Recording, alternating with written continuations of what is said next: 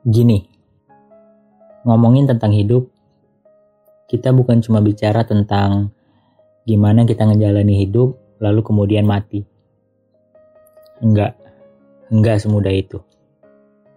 Hidup adalah hal paling berharga yang kita punya sejak pertama kali kita dilahirkan. Sejak pertama kali kita belum bisa apa-apa, Sejak kita pertama kali mau ngapa-ngapain harus nangis dulu ke orang tua biar bisa dibantuin ngelakuinnya. Ya, hidup mulai dari sana.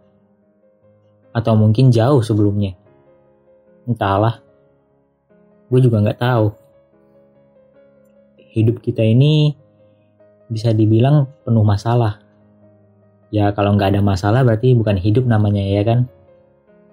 Entah itu sakit, entah itu masalah sosial, ataupun itu masalah dari diri sendiri yang nggak bisa kita tanganin.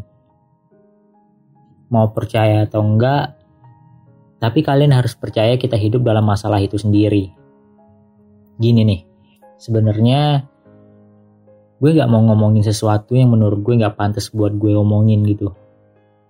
Karena ya, apa pun yang gue buat itu berdasarkan apa yang pernah gue rasain sendiri. Seenggaknya ya, minimal gue tau lah gimana rasanya. Atau paling enggak gue pernah ngalamin hal itu. Karena menurut gue ngomong kayak gini tuh udah kayak sok nasehatin orang padahal diri sendiri hidupnya belum tentu bener. Diri sendiri belum tentu tahu tujuan hidupnya bakal ke mana.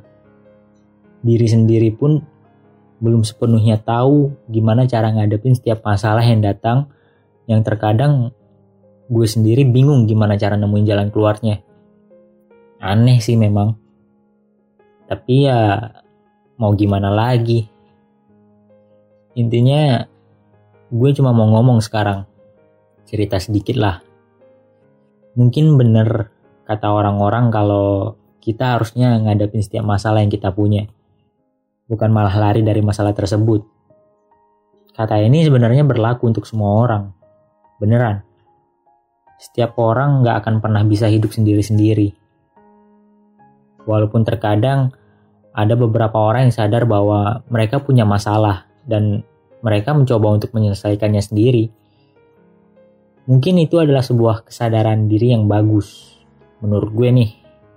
Tapi nggak akan jadi sebagus yang lo pikirin kalau lo sendiri nggak tahu gimana cara nyelesain masalah itu mencoba menghindar dari orang-orang yang lu takutin kalau nantinya mereka jadi sasaran dari masalah internal yang ada di diri lu sendiri.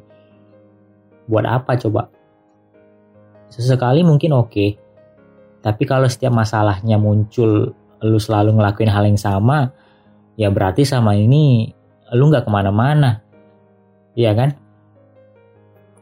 Lu cuma terus berada di sebuah tempat yang sama yang masih mikir gimana cara ngelewatin sebuah lubang besar yang ada di depan mata lu saat ini. Sementara lu lupa bahwa saat ini lu punya pilihan lain. Bisa buat putar arah, terus lanjutin perjalanan pakai jalan yang lain. Jalan yang kita sama-sama tahu kalau gak ada lubang di sana.